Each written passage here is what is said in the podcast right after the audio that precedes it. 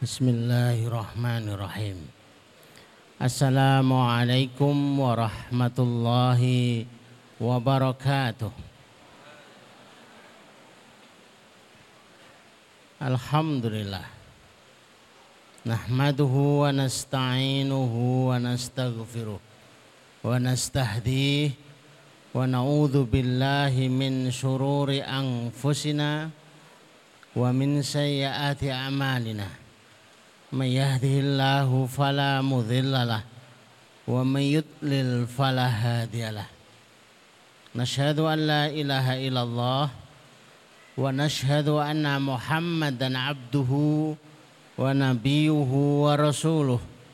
لا نبي ولا رسول بعده. اللهم اشرح صدورنا وتزوس عن سيئاتنا. Wahab lana fahmal anbiya wal mursalin. Wahab lana fahmas salafus salih. Allahumma anfa'na bima 'allamtana wa 'allimna ma yanfa'una wa zidna ilman. Wa na'udzu billahi min ahwali ahli nar. Allahumma la sahla illa ma ja'altahu sahla wa anta taj'alul hazna idza syi'ta sahla. Rabbi shrah li sadri wa yassir li amri wahlul 'uqdatam min lisani yafqahu qawli rabbi zidna ilma. Subhanaka la ilma lana illa ma 'allamtana. Innaka antal alimul hakim. Rabbana atina min ladunka rahmah Wahai lana min amrina rosada. Amma ba'd Bapak Ibu jamaah sekalian yang dirahmati Allah. Alhamdulillah kita berusaha untuk memenuhi hakul Jum'ah. Haknya hari Jumat. Yang sudah kita ketahui beberapa, tapi yang belum diketahui juga beberapa. Tapi alangkah lebih baik kalau itu disebutkan biar memberitahu bagi yang belum tahu, mengingatkan bagi yang lupa. Sehingga kita jadi setiap hari Jumat itu betul-betul jadi hari istimewa. Yang pertama potong kuku. Tidak perlu dipotong di sini. Karena itu sudah hakul Jum'ah sejak tadi pagi. Bahkan sejak kemis sore. Waktu maghrib itu sudah berlaku. Kemudian membaca surat Al-Kahfi. Itu bukan sejak hari Jumatnya. Tapi sejak hari Kamis sore atau Kamis maghrib. Tapi ada yang lupa. Tapi kita beruntung berkumpul di tempat ini karena hakul Jum'ah itu kita dapatkan.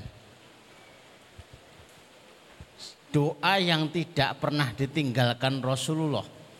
Itu saat waktu antara maghrib sampai antara asar sampai maghrib hari Jumat. Itu luar biasa. Dengan kita hadir di sini, kita sudah memenuhi hakul Jumat. Hanya kalau kita doa bersama, mohon ditambahi doanya. Allahumma bihurmati hadha yaumul jum'ah.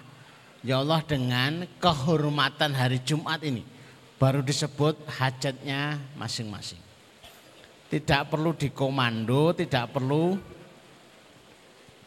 disebut oleh bersama tapi masing-masing faham. Kalau tadi disebut alhamdulillah, kalau tidak disebut tinggal bunyi sendiri.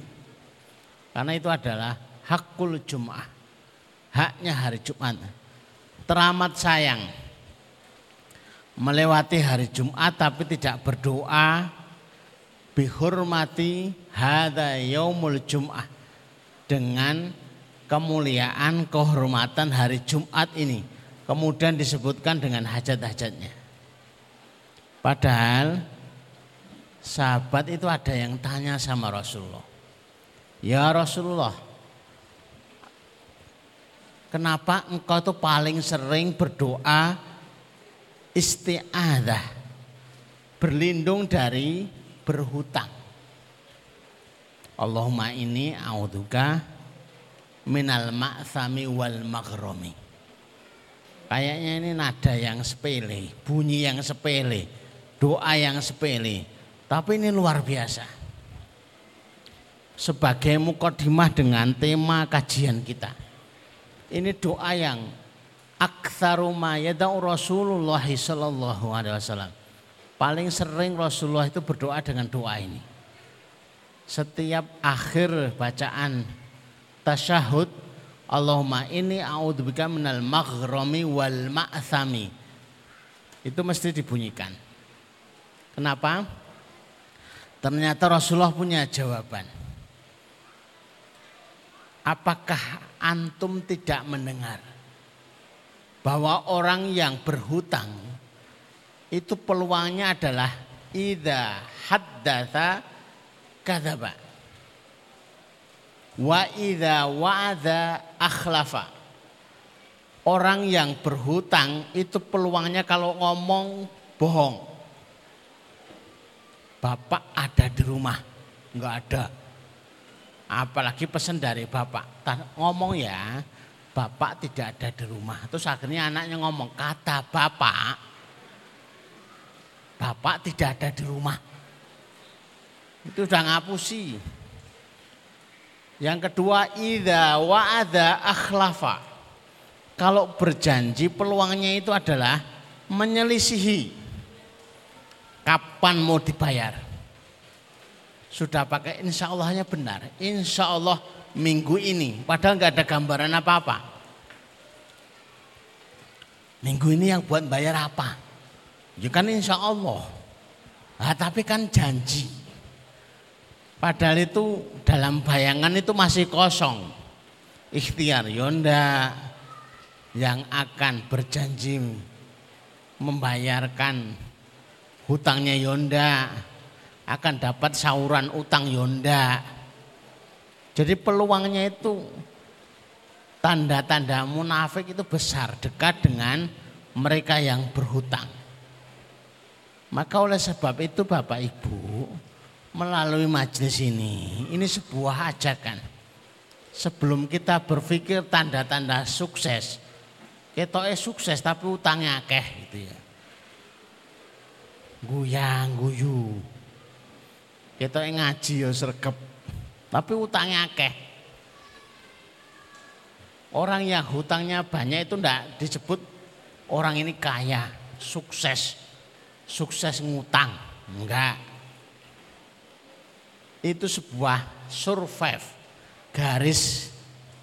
Jadi sebelum seseorang itu disebut sukses, survive, dia harus melepaskan diri dari hutang kecuali ada tanggungan yang bisa untuk melunasinya.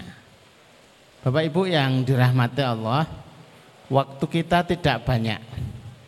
Mari kita masuk tanda sukses yang kedua. Yang pertama sudah Jumat yang kemarin. Mari kita lihat.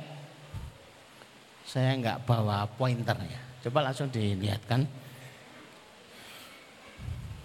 Yang pertama hebatnya Islam. Panggilan sukses dalam Islam itu dilewatkan sholat. Sehari lima kali. Kita itu diseru, dimotivasi kalau sampai ada kewetu omongan, keluhan. Kenapa panjenengan nggak sukses? Nggak ada yang motivasi.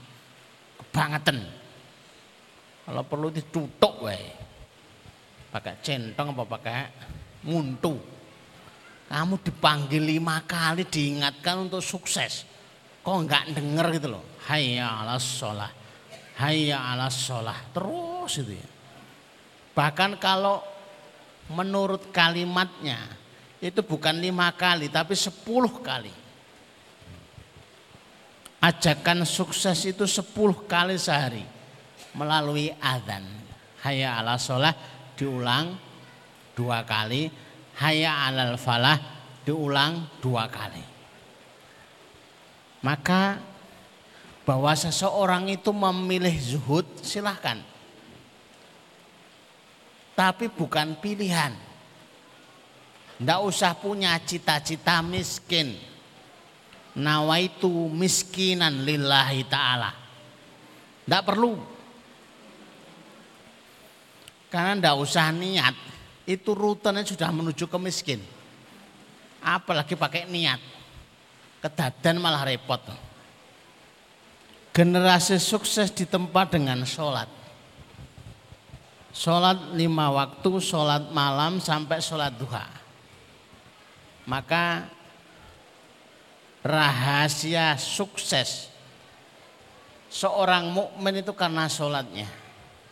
Sungguh benar-benar kami ingin mengajak Bapak Ibu itu mencoba jajal seberapa berat kalau kita itu sholat malam itu dua jam. Sambil membaca enggak apa-apa.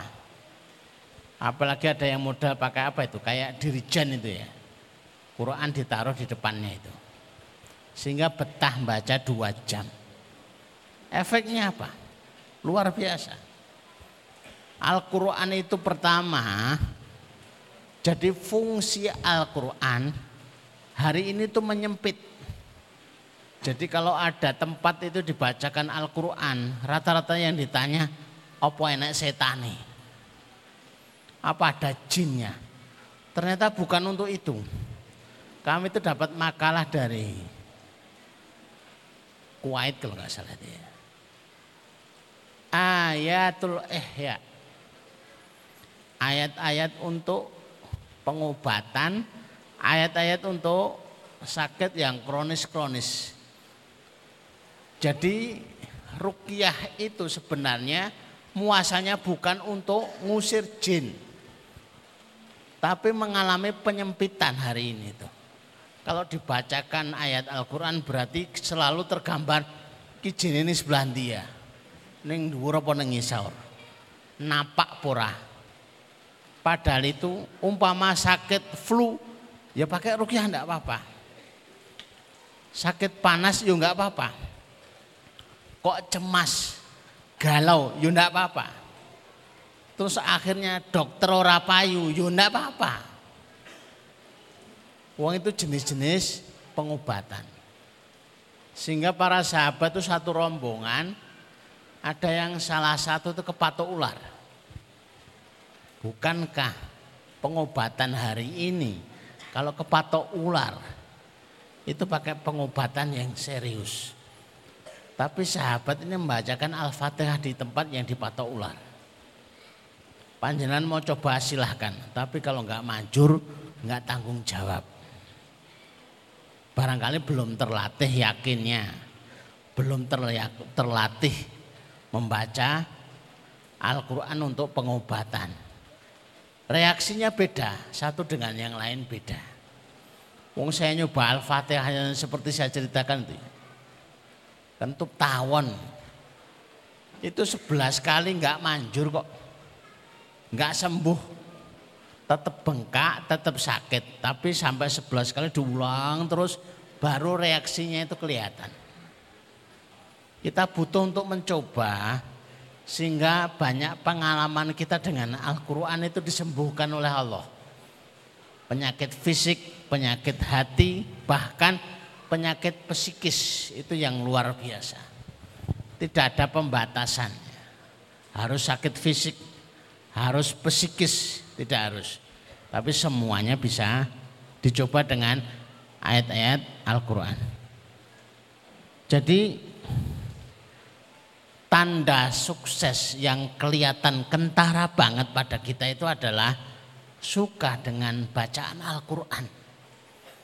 Orang sudah tilawah rutin tiap hari itu tanda-tanda sukses. Apalagi sampai kemudian sekian jus, sekian jus.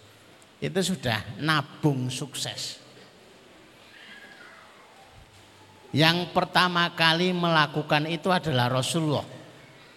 Kalau Rasulullah dulu melakukannya bersama para sahabat dalam gerakan massal. Itu membaca Quran sekitar jam 11 malam bangun tidur pada isya. Tidak ada aktivitas yang lebih disukai Rasulullah setelah habis isya melebihi tidur. Bahkan ngaji pun tidak tidur. Pada isya tidur. Pada isya ada tamu tidur. Pada isya ada pelanggan tidur. Pada isya ada saudara tidur. Hanya untuk melatih ini saja susah loh ya. Memilih pilihan hobi kebiasaan habis isak tidur habis isak tidur tapi jam 11 bangun. Mulai dia kiamul lain. Next coba diteruskan. Ada ayat yang kedua. Ada yang jaga enggak coba yang kedua. Syarat berkuasa di muka bumi bukan hanya disukseskan urusan dagang bukan hanya disukseskan urusan ngatur keluarga tapi sudah sampai kepada limitnya berkuasa di muka bumi. Alladzina immakannahum fil ard yaitu orang-orang yang dimungkinkan kalau dia itu dikasih kesempatan kalau dikasih kekuatan, dikasih mungkin dia itu untuk mendapatkan wilayah. Maka yang akan dicita-citakan menjadi visinya adalah akamus sholat, menegakkan sholat. Itu menjadi, kalau jadi Pak Lurah ya ini pikir, pikirannya. Kalau jadi Pak Camat ya ini pikirannya. Kalau mau jadi Pak Bupati ya ini pikirannya. Aqamus sholah. Akan digaungkan gerakan mendirikan sholat. Bukan hanya azannya saja. Tapi dicontohkan. Wa atau zakah wa amaru bil ma'ruf wa nahaw anil munkar walillahi akibatul umur jadi yang akan dilakukan kapan pun dikuasakan oleh Allah sebuah wilayah itu dalam kekuasaannya itu empat hal. Aqamus sholah, yang kedua adalah membayar zakat atau zakah. Terus kemudian melakukan yang ma'ruf. Kemudian mengajak orang lain untuk melakukan ma'ruf sebagaimana ia lakukan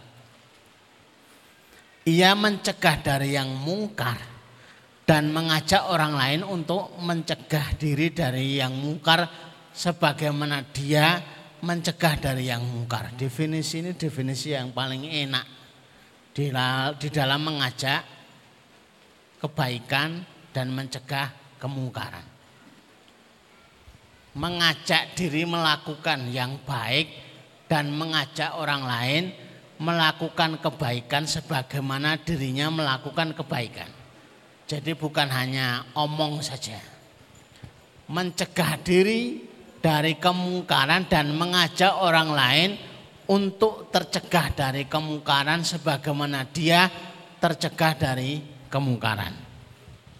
Walillahi akibatul umur dan akhirnya biarlah urusan itu urusan Allah. Tugas kita itu empat ini.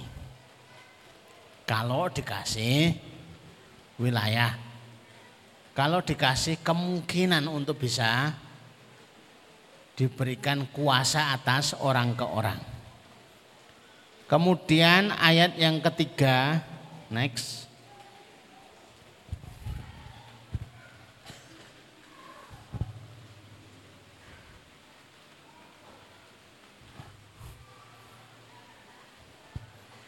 Ini gambaran produknya.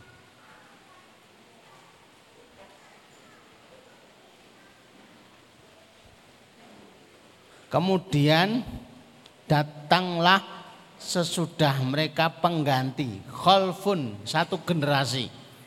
Yang jelek yang menyanyiakan sholat dan memperturutkan hawa nafsunya maka mereka kelak akan menemui kesesatan. Jadi kalau sholat itu membawa kepada kesuksesan menyanyiakan sholat. Bukan hanya satu dua, tapi satu generasi yang menyanyiakan sholat itu efeknya adalah yang datang adalah hawa nafsu. Jadi mudah mendeteksinya. Kok ada generasi yang mudah memperturutkan hawa nafsu? Itu sebabnya kenapa? Atau sholat. Menyanyiakan sholat. Itu sebab utamanya di dalam surat Maryam ayat 59. Jadi kalau ada generasi apakah itu istri, suami, anak, cucu, ini kok ada tanda-tanda suka memperturutkan hawa nafsu. Sulit dikendalikan. Ini sebabnya kenapa? Mau jadi santri kok susah diatur itu kenapa toh? Sebab utamanya adalah adha'us sholah. Menyanyiakan sholah. Maka kalau pengen mengendalikan hawa nafsu, pengen satu generasi itu terkendali, maka yang menjadi pegangan adalah sholat. Bagi bapak ibu kayaknya sholat itu biasa, sudah terlalu sering. Biasa yang dilakukan secara biasa. Tapi sholat yang kami inginkan itu adalah sholat yang betul-betul diurus. Agar kualitasnya itu mendekati kualitas para sahabat atau tabiin. Kalau kualitas khusuknya sulit, minimal adalah waktunya. Sahabat Abu Bakar As-Siddiq itu terkenal dengan gelarnya Abu Bakar riwayatnya adalah sahabat Abu Bakar itu selama kenal sholat. Ketika diajari sholat beliau tidak pernah ketinggalan takbiratul ikram bersama imam. Ini kan luar biasa. Jadi kalau pengen diperbaiki sholat yang diperbaiki dulu adalah waktunya. Bukan hanya yang tertulis adzan berangkat itu kan ikhtiar untuk lebih terjaga. Ini kalau bisa lebih diperbaiki. Bukan hanya adzan berangkat tapi mendapatkan takbiratul ikram imam. Nanti kalau ketemu dengan Said bin Musayyam, ketemu dengan Sufyan Ats-Tsauri, prestasinya 40 tahun mendengar azan di masjid. Ini sudah kualitasnya sudah luar biasa. 40 tahun mendengar azan di masjid. Kami pernah coba belum sampai 40 tahun, hanya beberapa hari saja. Pengen mendengar azan di masjid. Hasilnya adalah gatot. Walaupun rumahnya dekat tapi tetap gatot gagal total. Ada aja urusannya. Waktu mau berangkat ke masjid anaknya nangis. Waktu mau berangkat ke masjid ada saja. Urusan A, urusan B, urusan C. Pokoknya selalu ada. Dan itu tanda-tanda bahwa itu pekerjaan yang bukan ringan. Maka termasuk tanda kesuksesan seseorang itu kalau bisa menjaga sholatnya luar biasa. Tetap berjamaah di masjid bagi bapak-bapak, tapi waktunya. Coba latihan mendengar adzan di masjid. Yang sering kita lakukan adalah bukan mendengar adzan di masjid, tapi justru komat berangkat. Komat berangkat itu aja masih pakai telat. Telat masih ada tambahnya dapat rekaat terakhir. Telat rekaat terakhir, sepenting kan jamaah. Makanya ini menjadi syarat sukses, tanda sukses karena bukan hanya sekedar sepintas itu yang penting ikut jamaah, tapi betul-betul diperbaiki mereka yang pernah ikut di Masjidil Haram. Beberapa waktu ikut umroh atau pernah belajar di sana akan mendapati kesibukan yang luar biasa. Orang hilir mudik, hotel, masjid, hotel, masjid, terus. Bahkan yang sulit untuk dicari ada orang rebutan itu rebutan soft. Sementara di tempat kita kalau ada soft kosong itu mempersilahkan orang lain. Menurut Bapak Ibu yang bagus yang mana? Yang mempersilahkan loh. Soft itu bukan untuk diperebutkan. Jadi berlomba-lomba dalam kebaikan itu tidak boleh diikuti dengan isar Ithar dalam soalan ibadah itu mamnu. Ithar dalam soalan ibadah itu dilarang. Terus jenengan aja yang puasa Senin Kamis itu tidak boleh. Jenengan dulu aja yang kiamulail tidak boleh. Tapi kalau kebaikan itu fastabikul khairat. Kalau itu kebaikan maka berlomba-lombalah. Jangan kemudian ithar, ithar, ithar, ithar itu dalam urusan dunia. Ini mau makan malam dulu siapa? Dengan aja, nah, itu boleh. Tapi kalau soalan ibadah, maka itu tidak diperkenankan. Next. Sholat syarat kemakmuran. Bapak Ibu nanti silahkan dicek surat Ibrahim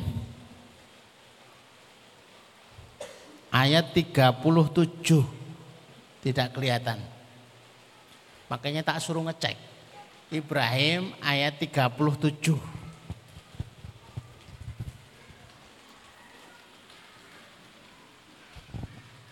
Robbana ini askantu min duriyati biwadin ghairi dizarain. Kisah itu Ibrahim itu diperintah oleh Allah untuk menempatkan istri dan anaknya di lembah. Waktu itu masih lembah ya, bentuknya Makkah hari itu. Sampai di Masjidil Haram yang tidak ada tanaman sedikit pun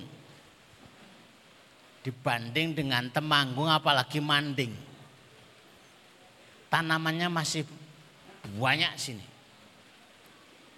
Ini sebuah pelajaran yang luar biasa bagi bapak, ibu, wabil khusus keluarga baru. Kan kalau keluarga baru itu kan baru izin ke orang tua saja. Saya mau tinggal di sana. Wengku mangan opo. Padahal tiap hari makannya nasi nggak makan beling, juga nggak makan plastik. Tapi masih ditanyakan bapaknya. Kamu nanti makan apa? Harusnya yang ditanyakan bapak atau ibunya itu, kamu sholatnya gimana? Alhamdulillah saya ngontrak dekat masjid beres. Alhamdulillah kami sholat lima waktu, itu adzan dari masjid terdengar jelas berarti beres. Tapi kalau ngontrak sudah bayarnya itu mahal, sempit, ditambah dengan jauh dari masjid. Nah itu pikir-pikir harusnya. Kemudian saya agak mendekat biar bacanya jelas. Inda baitikal muharram. Di sisi Baitul di sisi rumahmu yaitu baik apa tuh? Al Muharram. Robbana liyuke musolah. Ya Allah, agar mereka itu menegakkan sholat. Ini sebuah kaidah bagi bapak, ibu dan yang muda-muda juga boleh, anak-anak juga begitu. Bahwa yang minta didoakan, minta didoakan ibu, minta didoakan bapak. Saya mau kuliah di sini, di sini saya mau kerja di sini. Maka dipersyaratkan yang pengen didoakan itu harus sholat dulu. Abdullah bin Umar itu pernah minta sama Rasulullah, ya Rasulullah izinkan saya menyertaimu tinggal di surga. Rasulullah nggak langsung mengiyakan. Bantulah apa yang menjadi keinginanmu dengan memperbanyak sholat. Jadi yang punya rumah pengen cepet laku. Yang punya tanah pengen cepet laku. Yang punya dagangan pengen cepet laku. Maka bantulah dengan memperbanyak sholat. Semua sholat ini sebenarnya agak aneh ya, karena saya bicara di depan panjenengan sekalian. Kebiasaan kami dulu, kalau tanah itu enggak laku-laku, kami itu suka sholat di atasnya. Tapi kemudian fitnahnya, wih dikira disarati. Wih mesti disarati. Padahal saya ngikuti ayat ini. Robbana liyuki musolah saya sholat terus berdoa di tempat itu. Rumah kok nggak laku-laku sih dibuat sholat sendirian boleh berjamaah boleh. Lah itu sholat apa? Sholat ben payu omahe ora ana yo. Nawa itu omahe ben payu ora ana. Kalau sholat hajat itu ada. Atau sholat dua rakaat gitu aja malah ada. Habis wudhu sholat dua rakaat malah dapat. Petunjuknya dapat. Sholat ini luar biasa.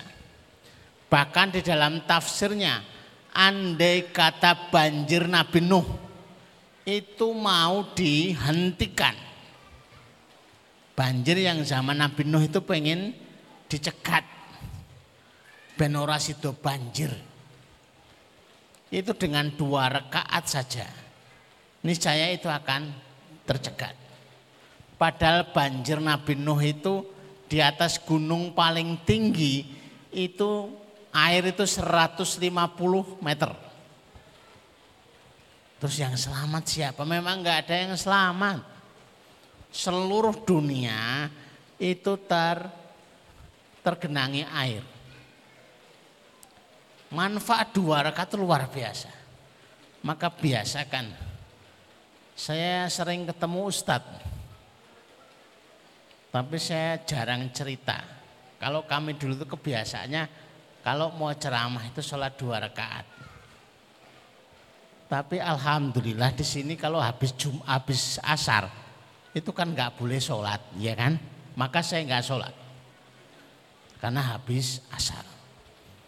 Kalau habis Jumatan kami sholat. Tapi sholat dia, lah beda lagi ceritanya. Dulu kalau setiap mau tausiah, ceramah, mau tablik kecil ataupun tablik akbar itu mesti sholat dulu. Bahkan ada namanya ilmu ilmu flash disk kalau antum pengen mencoba silahkan. Tapi kalau tambah rame diminta ngisi sana ngisi sini, saya nggak tanggung jawab. Ini hanya sekedar ilmu. Itu ada kakak saya itu. Kakak saya itu nggak ada yang mondok. Hanya lulusan MAN. suatu ketika diminta untuk ceramah yang dihadiri 2000 orang. Bingung ngewel. Terus saya ajari, mau nggak tak ajari ilmu flash disk. Gimana itu? Ingat hadis Rasulullah. Innallaha la yanzi'u Allah itu tidak mengambil ilmu, la yanzi'ul ilma intiza'an. Allah tidak mengambil ilmu dengan ilmu itu diambil. Walakin akan tetapi bimautil ulama. Ilmu itu diambil dengan dimatikan ulama. Nah, kira-kira ilmu itu di mana? sebelum ulama diwafatkan itu di mana? Bahkan ulama sudah diwafatkan itu di mana? Ya, di sisi Allah. Iya. Di sisi Al-Alim yang maha berilmu. Gunakan dua rakaat sholat. Setelah itu kita nembung ilmunya. Ya Allah, sebagaimana engkau ajarkan ilmu ini kepada Ustadz Fulan. Ajarkan pula kepadaku. Daripada kita itu belajar ilmunya Abdurrahman bin Auf. Yura ketemu-ketemu.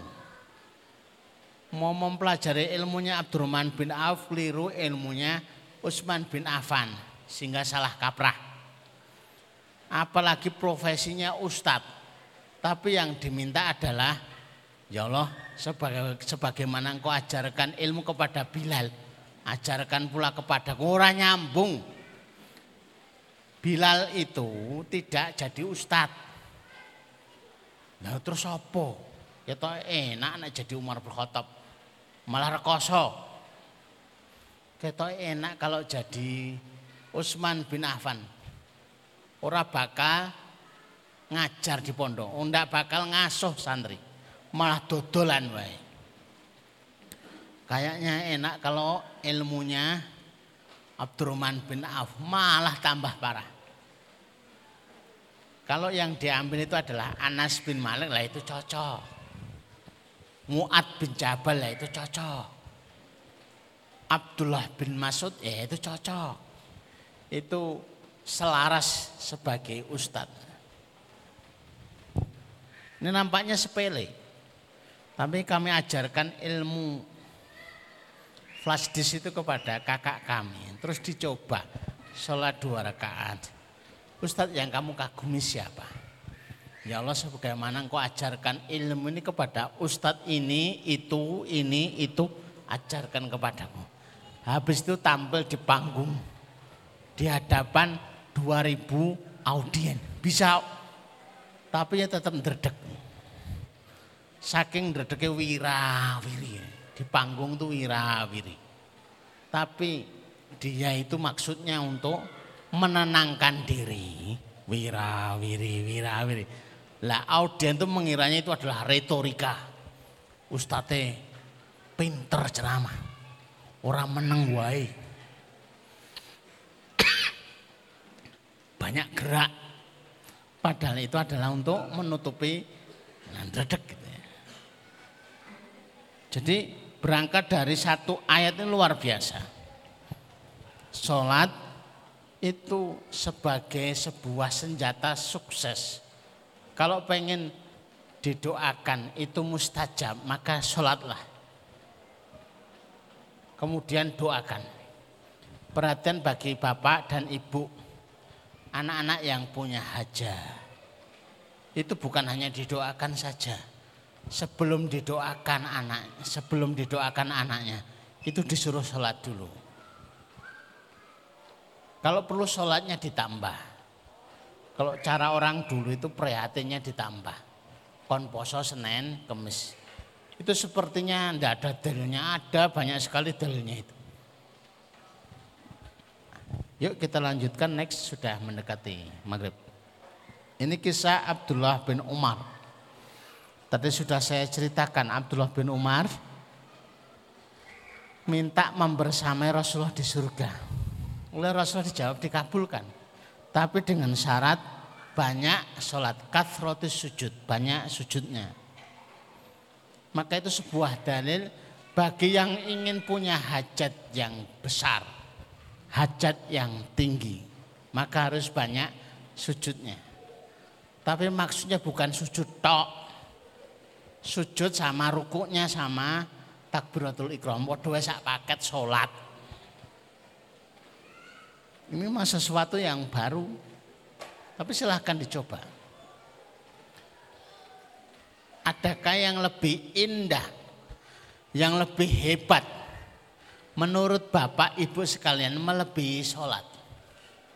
Sementara sholat itu satu-satunya perintah yang dari Allah yang tidak turun langsung kepada Nabi Shallallahu Alaihi Wasallam. Nabi Shallallahu Alaihi Wasallam harus dibawa ke diisrokan. Setelah diisrokan, dimi'rajkan untuk menerima perintah sholat. Maka itu luar biasa. Hanya perintah sholat yang seperti itu. Puasa itu ya langsung Rasulullah di Madinah waktu itu. Next.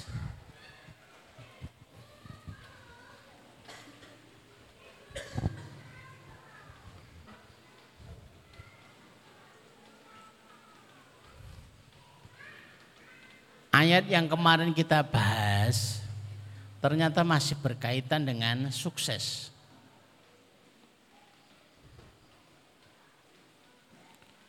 Qad aflahal qad aflaha man tazakka wa dzakara asma rabbih fasalla.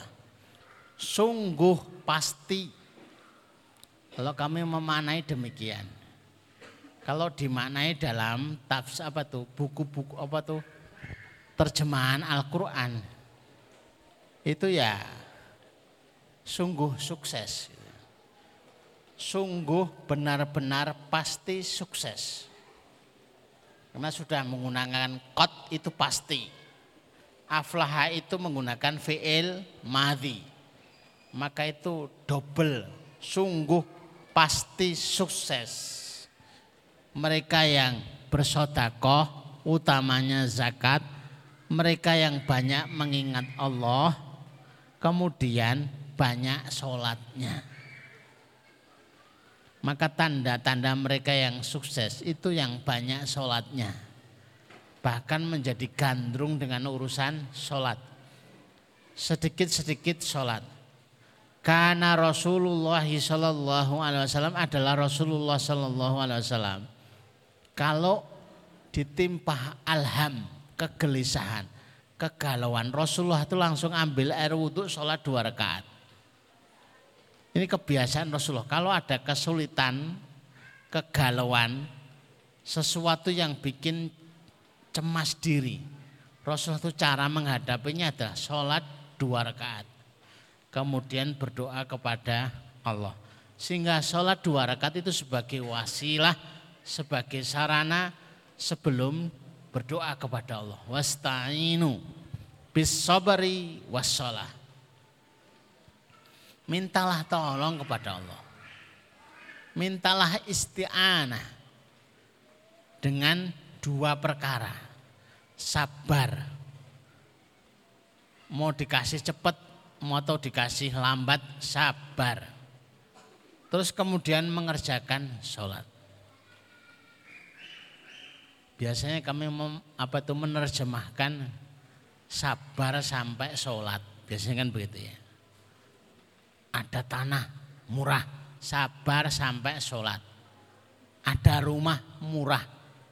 Ini harganya bukan hanya miring, tapi harganya anjlok. Sabar sampai sholat. Ini ada peluang luar biasa. Tinggal mak langsung bisa sabar sampai sholat. Seberapa potensinya, sebesar apa pun potensi sebuah peluang, jangan tergesa-gesa kita itu mengambil peluang sampai sabar sampai sholat. Saya sampai dulu itu nuliskan tuh sabar sampai sholat itu. S3 ya. Sabar sampai sholat. Itu luar biasa.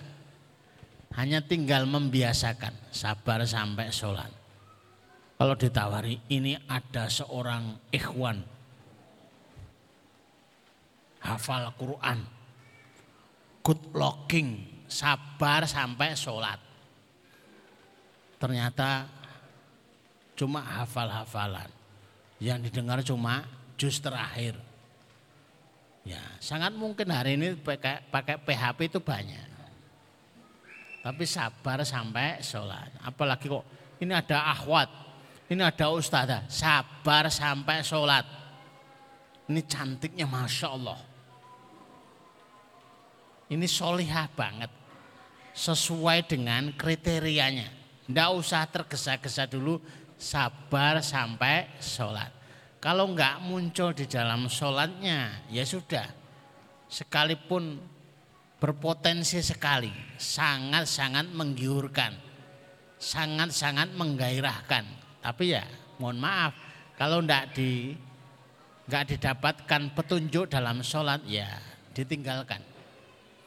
Oke, kita lanjutkan. Selanjutnya, Alhamdulillah, berarti selesai. Ya. Jadi kalau sudah ketemu Alhamdulillah itu ya seberapa kita bersemangat ya sudah selesai. Akan ketemu dengan hari Ahad yang akan datang insya Allah. Kalau hari Ahad itu judulnya Sang Pemenang.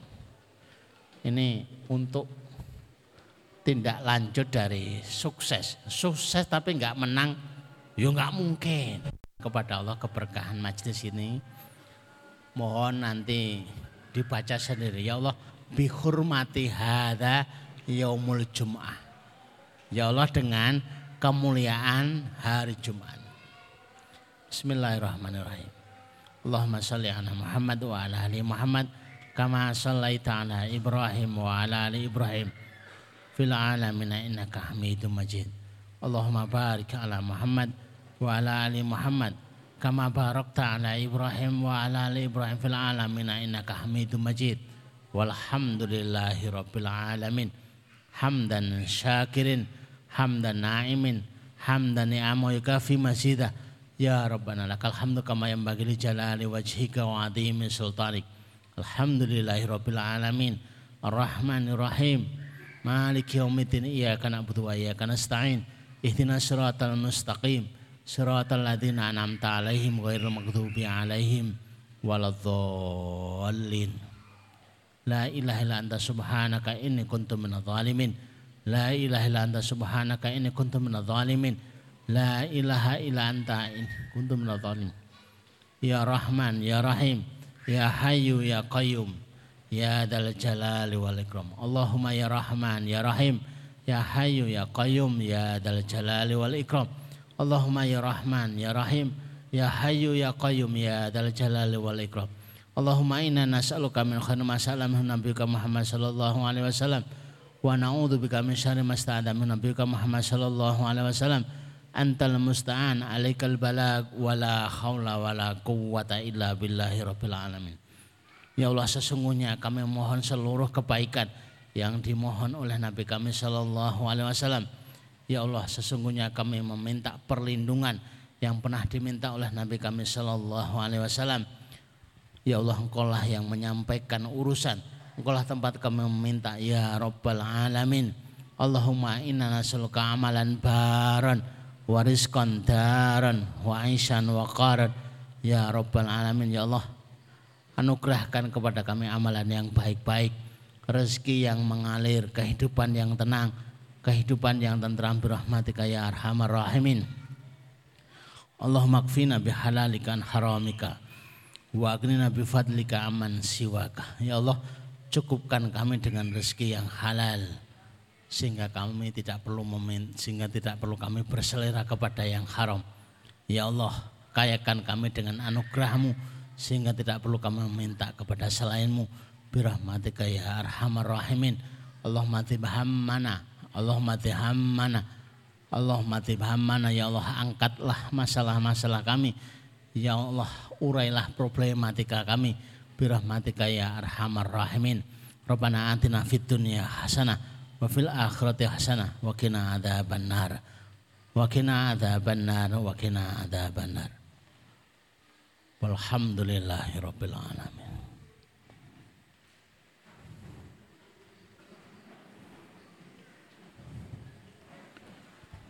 Alhamdulillahirabbil. Subhanakallahumma rabbana wa bihamdika asyhadu an la ilaha anta astaghfiruka wa atubu ilaik. Kami cukupkan sampai di sini mudah-mudahan bermanfaat dan kita lanjutkan pada pertemuan yang selanjutnya. Aku qouli hadza astaghfirullah li wa lakum. Assalamualaikum warahmatullahi wabarakatuh.